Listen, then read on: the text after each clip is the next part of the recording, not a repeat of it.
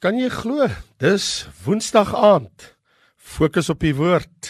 Ek is Raymond Lombard en ek praat met jou in die besonder hier in Johannes hoofstuk 8 tydens ons reis oor die boek Johannes die Evangelie, nê. Nee, onthou, ek en jy is besig elke Woensdag aand het ons hierdie die heilige evangelie van Johannes, antwoorde die afgesonderde goeie nuus van Johannes oor Jesus Christus, nê. Nee. So ek lees vir jou in Johannes 8 vers 31.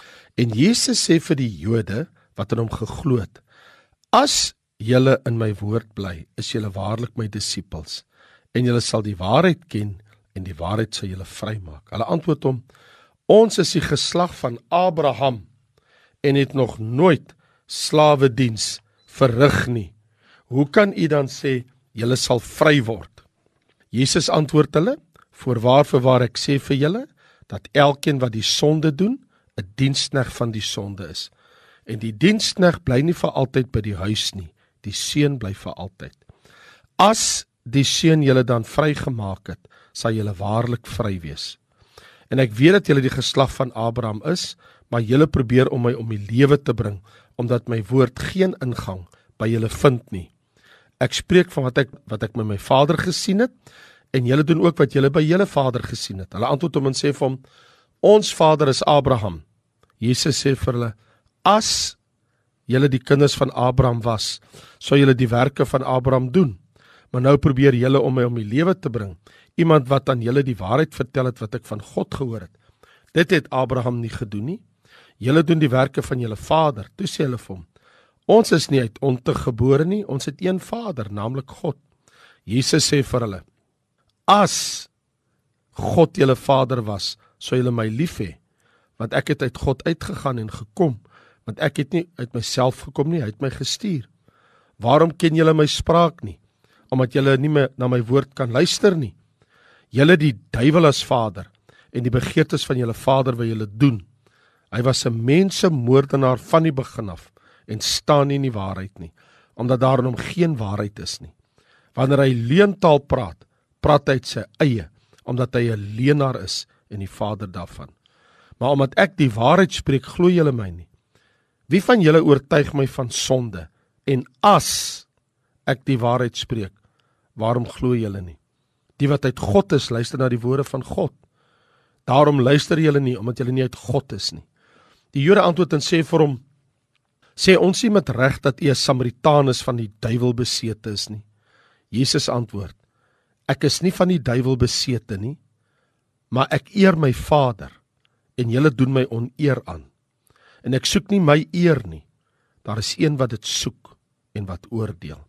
Voorwaar voorwaar ek sê vir julle, as iemand my woord bewaar, sal hy die dood in die ewigheid nie sien nie. Ek wil met jou praat oor Jesus se hartsondersoekende as die verskeie kere en ek het net 6 gekies in die hoofstuk as meer as dit waar Jesus praat oor die woordjie as. Maar voor ek daaroor praat, dink vir 'n oomblik aan die woordjie so. Ja, ons almal ken mos die teks. Onthou jy hom? Johannes 3 vers 16. So lief het God die wêreld gehad. Nou daai woordjie so in Johannes 3 vers 16 is 'n klein woordjie Maar geen mens wat nog ooit geleef het op die aarde was in staat om die diepte van daardie woordjie totaal uit te lê en uit te put nie. So lief het God die wêreld gehad. Hoe beskryf jy wat daai woordjie so omvat? Wat omvat dit nie alles nie? Miljoene boeke is al geskryf oor Johannes 3 vers 16. En duidelik nog steeds kan die mense die diepte diepstes van daai woord totaal vasgryp nie.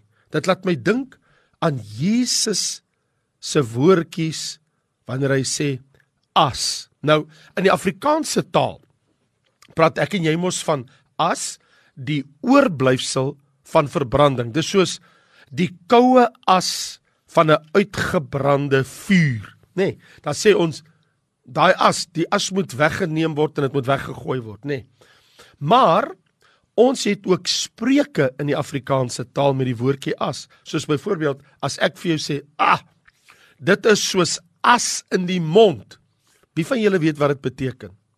Dit is baie onaangenaam, soos as in my mond, nê? Nee. Of as ek vir jou sê om iemand uit die as op te tel. Wat bedoel ek? Dis om iemand uit 'n posisie van vernedering op te lig. Jy tel hom uit die as uit op, nê? Nee, hy verrys asof uit die as uit. Daar's nog 'n ander manier hoe ons as gebruik. Dis 'n voegwoord, soos wat Jesus dit hier doen. As ek vir jou sê, nee, gee haar iets beters as vir haar broer. Wat beteken dit in Afrikaans?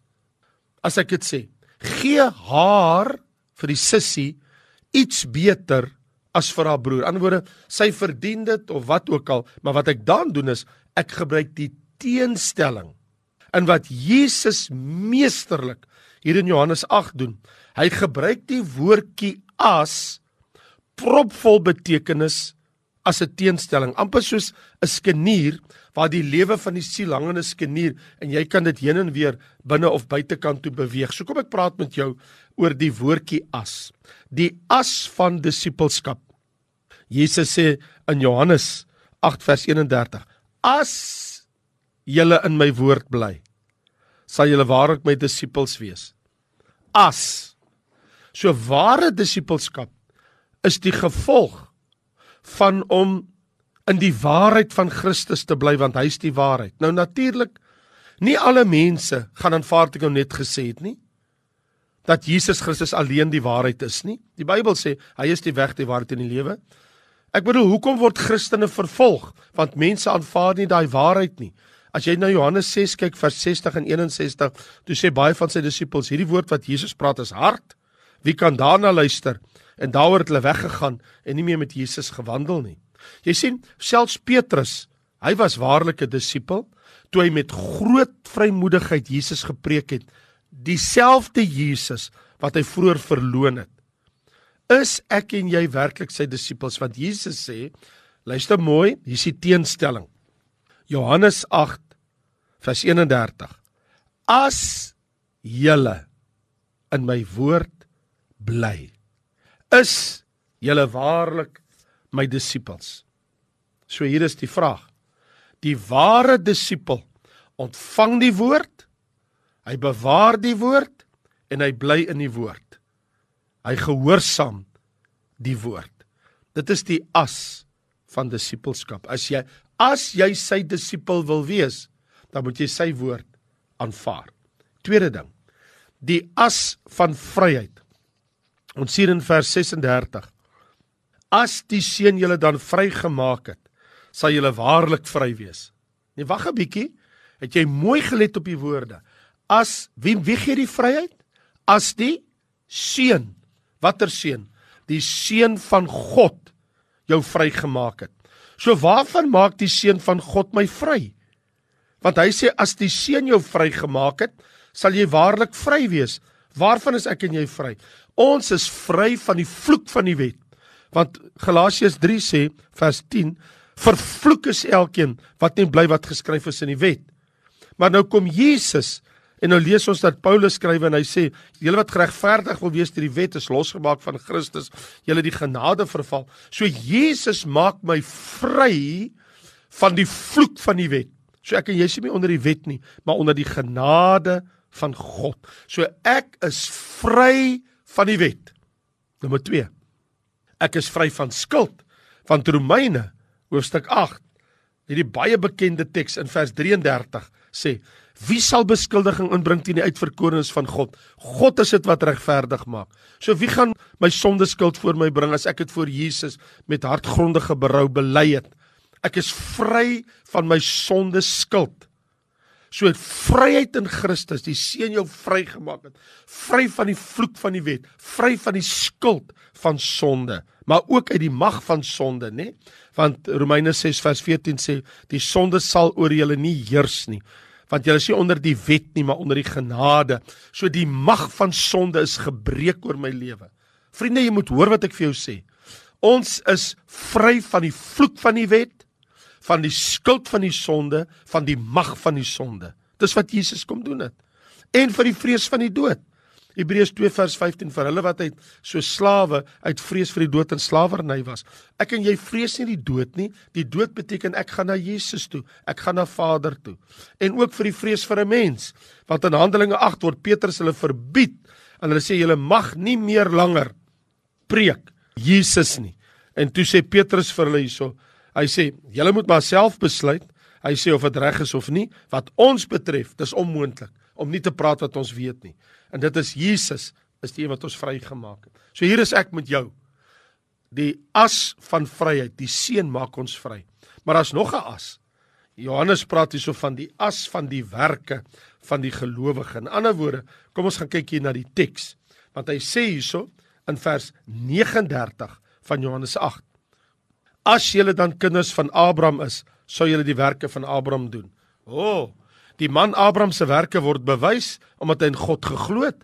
Want Hebreërs 11 vers 8 sê hy het weggetrek sonder om te weet waar hy gaan want hy het God geglo. Deur die geloof het hy vir Isak op die altaar geoffer. Abraham is die vader van die gelowiges. En Jesus sê vir die vir die Jode met wie hy daardie dag gespreek het: "Julle kan nie sê dat julle is die kinders van Abraham nie, want die geloofswerke onderbreek. Waar is die werke? Julle glo nie in my nie." Jesus sê As julle in my geglo het, kan julle die kinders van Abraham wees. Maar julle glo nie en daarom is julle nie die kinders van Abraham nie. Want Abraham het geglo, want hulle argument is ons is die kinders van Abraham. In vers 39 Jesus sê, luister. As julle die kinders van Abraham was, sou julle die werke van Abraham gedoen het en julle sou in my geglo het. Maar julle glo nie in my nie. Abraham was 'n man van geloof. Hy het in die geloof gedoen wat Vader God vir hom gesê het. So vriende, dis nie al nie. Daar's nog 'n as in vers 42. En Jesus sê vir hulle: "As God julle Vader was." Nou sê hulle: "Nee, nee, Abraham is ons Vader nie. God is ons Vader." En Jesus is like: "Wat? As God julle Vader was, sou julle my lief hê. Ek het dan van God uitgegaan. Hy het my gestuur. Daar's geen manier wat julle kan sê God is julle Vader en tot die Vader kom behalwe deur my nie. So die Christelike weg is ook die enigste weg na God toe. Om God Vader te noem is om Jesus Christus as Here te bely. As ek Jesus ontken as my Here en Saligmaker, kan God nie my Vader wees nie. Om Jesus te ignoreer is 'n flagrante belediging beide vir die Vader en tot die Seun. Wat verstaan ek en jy nie van 1 Johannes hoofstuk 5 vers 1? Elkeen wat glo dat Jesus Christus die Christus is, is uit God gebore. En elkeen wat die Vader liefhet, het ook die een lief wat uit hom gebore is. Wow! Jesus sê vir die Jode: "Siende dat julle my nie liefhet nie, is God nie julle Vader nie. En siende dat julle nie in my glo nie, is Abraham ook nie julle vader nie." So dis die as. Dis die teenstelling. As julle my liefhet, is God julle Vader. As julle in my woord bly, is julle my disippels. As die seun julle vrygemaak het, sal julle waarlik vry wees. Dis nie al nie. Het jy gelees wat staan in Johannes 8 vers 46? Wie van julle oortuig my van sonde? En as ek die waarheid spreek, waarom glo julle nie? Niemand kan Jesus ooit betrap het, het hom ooit betrap, kon hom ooit betrap het dat hy gesondig het, nie in woord, nie in gedagte, nie in daad nie. Jesus is, was en sal altyd die sondelose een wees. Tog die mense wat hom gesien het en gehoor het, hulle het nie hom geglo nie.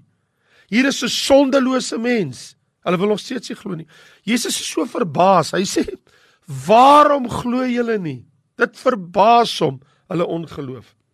En weet jy dat hierdie waarom glo julle nie gaan 'n vreeslike oortuiging bring. Daardie dag by die wit troon oordeel wanneer elke sondaar voor die Here staan dan sal hulle moet verduidelik waarom hulle nie geglo het wanneer hulle voor die wit troon is. En daar gaan geen rede wees 'n grondige rede. Luister. En as ek die waarheid spreek sê Jesus waarom glo julle nie Jy sien? Hy's die waarheid. Hoekom het jy dat jy nie wil glo nie? Wil jy in jou sonde sterwe? Wil jy in die wit troon oordeel geoordeel word vir die ewige hel? Maar daar's nog 'n as. In vers 51.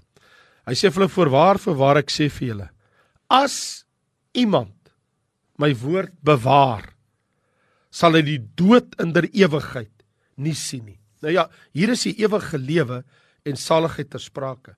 En hy sê die dood het geen finale seggenskap op die kind van God nie. Jy sal die dood nie sien nie. Nou, dit is waar dat die gelowige mag deur die fisiese dood afsterwe, ons aardse liggaam, maar die tweede dood, die ewige dood, het geen heerskappy. Ons sal dit nie eens sien nie, want hier staan ons in Openbaring 20 vers 14. Die dood en die doodryk is in die poel van vuur gewerp. Dis die hel. Dit is die tweede dood. So in ander woorde wat die Bybel hier vir ons sê, is, ek spaar jou die finale dood die tweede dood want Openbaring 2 vers 11 sê Jesus vir sy kerk die wat oorwin sal deur die tweede dood geen skade ly nie so vriende ek wil dit aan jou baie duidelik stel Hier is die as van versekering. Jesus verseker ons: As jy in my bly, as my woord in jou bly, as jy my kind is, as daar kindskap is, as jy glo, sal die tweede dood nooit jou pad langs kom nie. As jy die as van jou verantwoordelikheid nakom, en die as van jou verantwoordelikheid is mos daar in Johannes 8 vers 46, soos ek en jy mos nou so pas gesien het. As ek die waarheid spreek, waarom glo julle nie? So ek en jy het nodig om voor hom te buig. Vriende, ek stel dit aan jou. As Jesus Christus jou saligmaker is en jy ken hom, dan word hy altyd deur groter en groter. Nou en ook in die dag van die ewigheid. Jy weet, dis hierdie een geweldige wonderlike ding omtrent Jesus. Hoe meer jy hom ken, hoe beter jy hom ken, hoe meer het jy hom lief en hoe groter word hy. Jy weet Napoleon het eendag vir sy mense gesê: "Gentlemen, I know men and Jesus Christ was more than a man." Wat sê jy? Glo jy? Glo jy dat Jesus Christus die seun van die lewende God is? Glo jy dat hy die sondelose een is? Glo jy dat as jy in sy woord bly, jy se disipel kan wees. Hierdie harts ondersoekende as van Jesus. As jy maar net kan glo. As jy maar net jou naam wend. O Here, ons wil U loof, ons wil U prys, ons wil U aanbid. Here Jesus, daar is niemand soos U nie. U is die waarheid. U is die weg. U is gestuur deur die Vader. U is uit die nageslag van Dawid en Abraham. U is die Messias. Daar is nie 'n as daar omtrent nie. Waarlik waar. En U het gesê: As jy in my bly, dan gee ek jou my woord en jy sal die ewige lewe ontvang en die tweede dood sal jou geen skade berokken. Die hel hoef jy nie te vrees nie. O Here Jesus, ons dank U, ons loof U, ons prys U dat U die saligmaker van ons siele is. Dankie Here, word verheerlik in ons lewe. Dankie Vader in Jesus naam. Amen. Nou ja, volgende week kuier ek en jy weer om U woord. Baie dankie en totsiens.